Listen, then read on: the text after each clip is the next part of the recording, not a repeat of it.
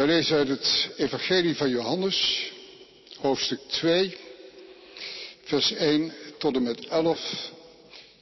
Op de derde dag was er een bruiloft in Cana in Galilea en de moeder van Jezus was er. En ook Jezus en zijn leerlingen waren op de bruiloft uitgenodigd. Toen de wijn bijna op was, zei de moeder van Jezus tegen hem, ze hebben geen wijn meer. Wat wilt u van me, zei Jezus. Mijn tijd, mijn uur is nog niet gekomen. Daarop sprak zijn moeder de bediende aan. Doe maar wat hij jullie zegt, wat het ook is. Nu stonden daar voor het Joodse reinigingsritueel zes stenen watervaten, elk met een inhoud van twee à drie metreten. Jezus zei tegen de bedienden, vul de vaten met water. Ze vulden ze tot de rand. Toen zei hij, schep er nu wat uit en breng dat naar de ceremoniemeester. En dat deden ze. En toen de ceremoniemeester het water dat wijn geworden was proefde, hij wist niet waar die vandaan kwam, maar de bedienden die het water geschept hadden wisten het wel, riep hij de bruidegom en zei tegen hem, iedereen zet zijn gasten eerst de goede wijn voor en als ze dronken zijn de minder goede. Maar u hebt de beste wijn tot nu bewaard. Dit heeft Jezus in Cana in Galilea gedaan als eerste wonderteken. Hij toonde zo zijn grootheid en zijn leerlingen geloofden in hem. Hier eindigt de schriftlezing. Gemeente van onze Heer Jezus Christus. Op de derde dag was er een bruiloft. En het woord bruiloft, dat heeft in de schrift voortdurend de klank, de achtergrond van God die zijn volk huwt. Hemel en aarde die met elkaar verbonden worden. Christus, de bruidegom, wij, zijn gemeente, de bruid. En het boek Openbaring eindigt met een bruiloft. Laten wij blij zijn, vreugde bedrijven, Hem de eer geven, dat staat centraal. Hem de eer geven.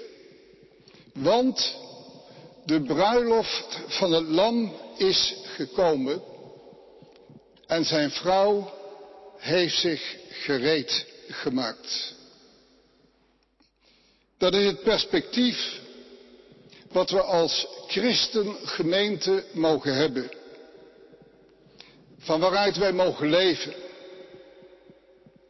Bomans heeft gezegd, vroeger waren oude mensen, mensen die er bijna waren. Tegenwoordig zijn oude mensen mensen die er bijna geweest zijn. Geweest zijn, voorbij, over, op, waar eindigt het? In de dood, Nee, zegt de schrift. Nee, zegt God. Nee, zegt de Heer tegen ons. Je wordt genodigd voor de bruiloft van het lam. Het feest gaat beginnen. En dat feest heeft Hij in gang gezet. En een feest, dan is de mens op zijn mooist. Dan stralen de gezichten, is er vrolijkheid, is er eten, is er drinken, zijn er gesprekken waarin men vooral elkaar probeert te begrijpen. Het leven kan een feest zijn. De nood is als het ophoudt.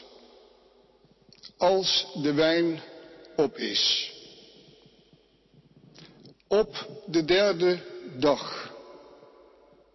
De derde dag, of Johannes het zo bedoeld heeft, is de vraag, maar de derde dag kunnen wij niet, bijna niet anders meer horen dan die derde dag. De dag van de opstanding, de dag van het nieuwe leven.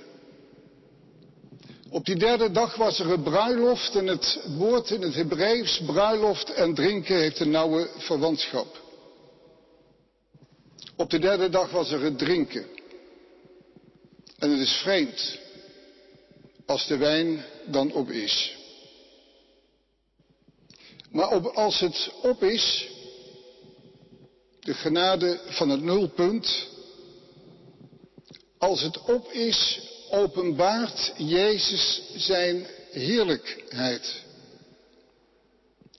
Als het op is in deze wereld, en wij horen bijna niet anders, of lezen het in de krant, dat het opraakt, is het moment nabij dat Jezus zichzelf zal openbaren. En dat doet hij op het moment in die bruiloft in Cana, als Maria zegt, zij hebben geen wijn. Als het op is, ik weet niet of u de ervaring kent, maar als het op is in ons eigen leven, bijvoorbeeld door ziekte of door verlies. En hoe je dan, want het is geen mooi verhaal, hoe je dan helemaal niets anders meer kunt zien dan datgene wat je overkomt. En dat er niets meer is dan dat. En dat je een hele tijd misschien nodig hebt om te gaan ontdekken. Dat als dat alles er niet meer is, dat daarin Hij dan wel aanwezig is. Dat dat merkwaardigerwijs in ons leven, en ik heb het vaak gehoord bij mensen die ernstig ziek waren of dingen meemaakten, dat dat dan de ruimte schept waarin God, God kan zijn.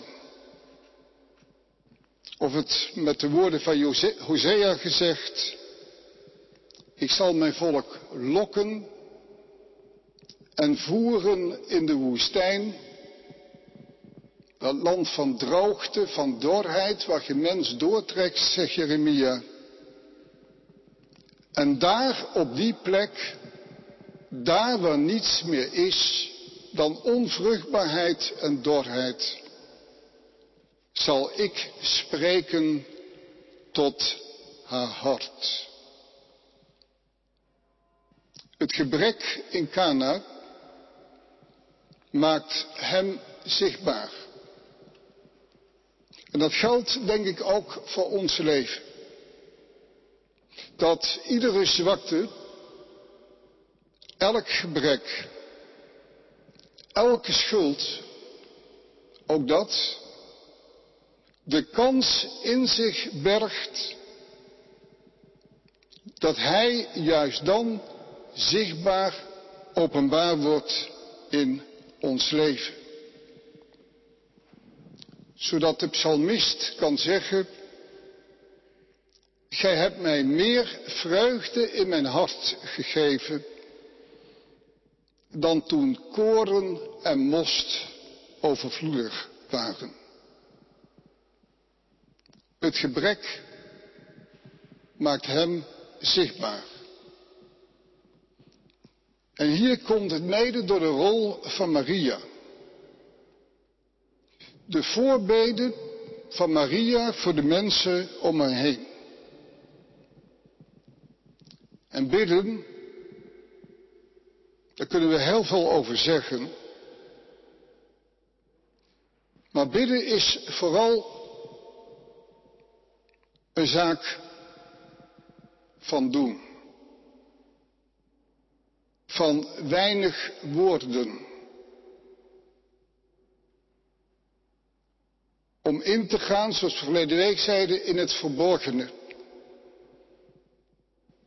Het verborgene ook van onze armoede. Het verborgene waarin we voor God staan. En niet meer als de heidenen vele woorden hebben. Niet meer als de fariseërs God kunnen danken voor onszelf.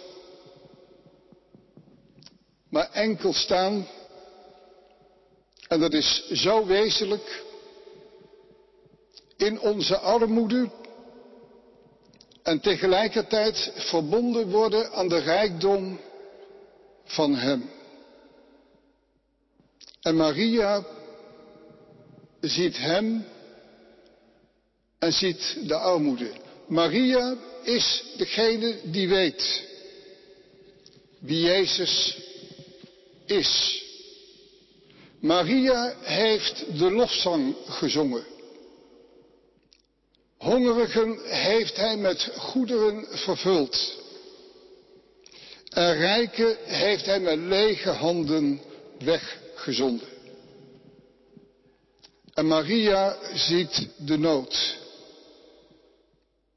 En Maria ziet ook Jezus. En dat is, denk ik, wat voor het gebed noodzakelijk is dat we de ander zien. Ook als hij via het journaal tot ons komt. En dat we de ander zien, niet de etalage wat hij wil laten zien, maar wat daarachter ligt. Het magazijn. En tegelijkertijd dat we mensen zijn die Jezus zien. En dan kunnen bidden. Voor onze kinderen of voor onze buren. De wijn is op. Of de nood van de wereld. Die iedere dag tot ons komt. En waarin we iedere dag opnieuw in machteloosheid en in armoede staan maar het wel voor het aangezicht van God kunnen brengen. In te treden in deze wereld. Ons tot stem te maken voor, tot stem te maken van hen die geen stem hebben. En met volle vrijmoedigheid, zoals de Hebreeënbrief zegt, door het bloed van Jezus waarin de overwinning en de verlossing en de bevrijding ligt. Pleitend daarop toetreden met een waarachtig hart in de zekerheid van het geloof. Omdat wij geen hoge priester hebben die niet kan meevoelen met onze zwakheden. En daarom met vrijmoedigheid, en dat is onze, dat is onze taak, maar dat is ook ons voorrecht, dat is ook wat ons onze kracht geeft en onze hoop, en met vrijmoedigheid voor de troon van de genade mogen komen, om ook voor de ander barmhartigheid te ontvangen en genade te vinden. Want onze gebeden worden gehoord. Onze gebeden gaan nooit verloren. Onze gebeden worden verzameld. Dat is dan de vraag in het boek Openbaring, wat is dit, dat reukwerk? En dan wordt er gezegd, dat zijn de gebeden der heiligen. uw en mijn gebeden, de gebeden van de kerk, die voor het aangezicht van de Heer gebracht worden, opdat Hij zal zien. Zij hebben geen wijn. Het is op. Ons christenleven, onze beleidenis, kan beginnen met volle vaten. Maar in de loop van de tijd kunnen ze leger worden. De dorheid kan toeslaan. Het gebed wordt misschien een ritueel waar we zelf niet meer bij betrokken zijn. Het woord kan gesloten raken. En het enthousiasme en de ijver kan door teleurstellingen opraken. In een huwelijk, in een relatie, die begint met volle vaten, kan het ook opraken. De liefde raakt op. Het geduld. De moed kan opraken. Het vertrouwen. We raken leeg. Er is gebrek aan wijn. En uiteindelijk zijn we mensen die zelf op zijn. Maria ziet naar Jezus. En hij die de hemel en de aarde geschapen heeft. Die het niet zijnde tot aanzijn heeft geroepen. Die uit het donker het licht gemaakt heeft. Die uit de dood straks en nu het leven zal scheppen. Die liefde, die kracht van God is altijd creatief. En wezenlijk anders dan de liefde van de mens. Want onze liefde ontbrandt, wordt in vuren vlam gezet door de schoonheid, door de kracht, door het bijzondere van de ander. Als we iemand zien die groot is, die sterk is, we zien het in de sport vooral gebeuren, dan worden we supporters. En als we niets meer zien, ook in de ander, is het met de liefde gebeurd. En bij God is het juist andersom, zegt Luther. Wij kijken van omlaag naar omhoog om dat beeld aan te houden. Maar hij ziet altijd van omhoog naar omlaag. De hij die woont in het hoge en het heilige. Zegt door de profeet Jezaja dat hij woont bij de verbrijzelde en nederige van geest. En als God niets meer ziet van onszelf, wat wij kunnen bieden, begint Hij te scheppen. Gaat Hij maken wat Hij vraagt. Wat zwak is, heeft God uitverkoren om wat sterk is te beschamen.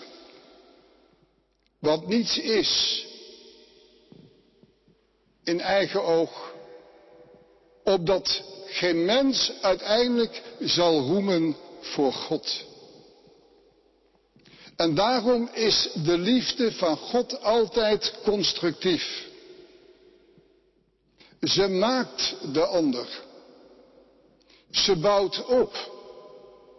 Ze wil verhogen.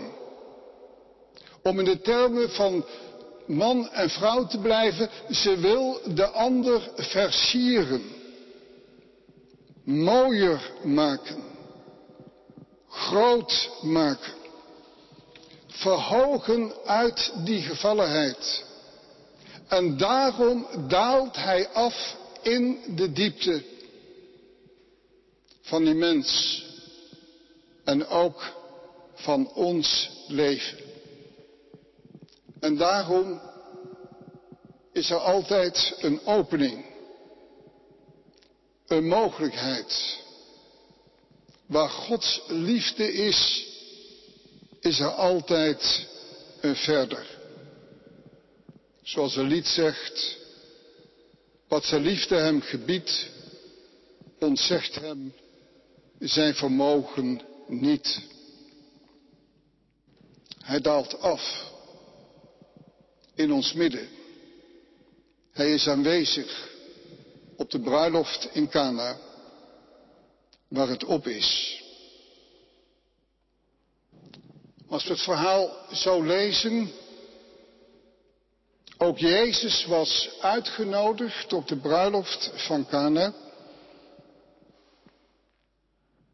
Dan zou ik willen zeggen dat hij misschien ook zo vaak in ons leven is als een gast die bediend moet worden. En dat God voor ons iemand kan worden, zeker als er al zoveel op is, aan wie wij moeten geven en geven en dat het op zeker moment bij ons opraakt. Dat het evangelie geen evangelie meer is, maar dat het een last wordt. Iemand die voortdurend van ons vraagt, wij moeten al zoveel. En dat als we dan de schrift lezen, vooral dat lezen wat wij nog meer moeten. Dat het wettisch wordt. Een juk dat op ons drukt.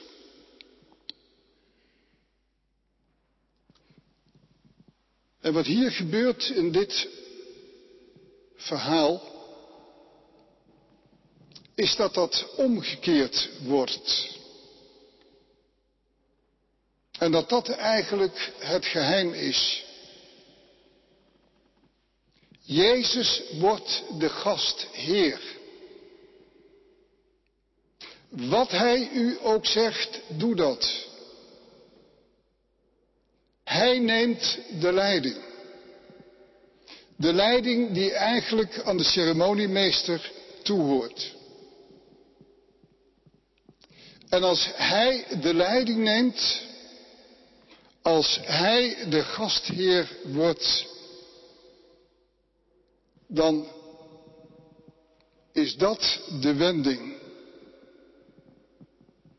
De wending die ook in ons leven zo wezenlijk is. Dat,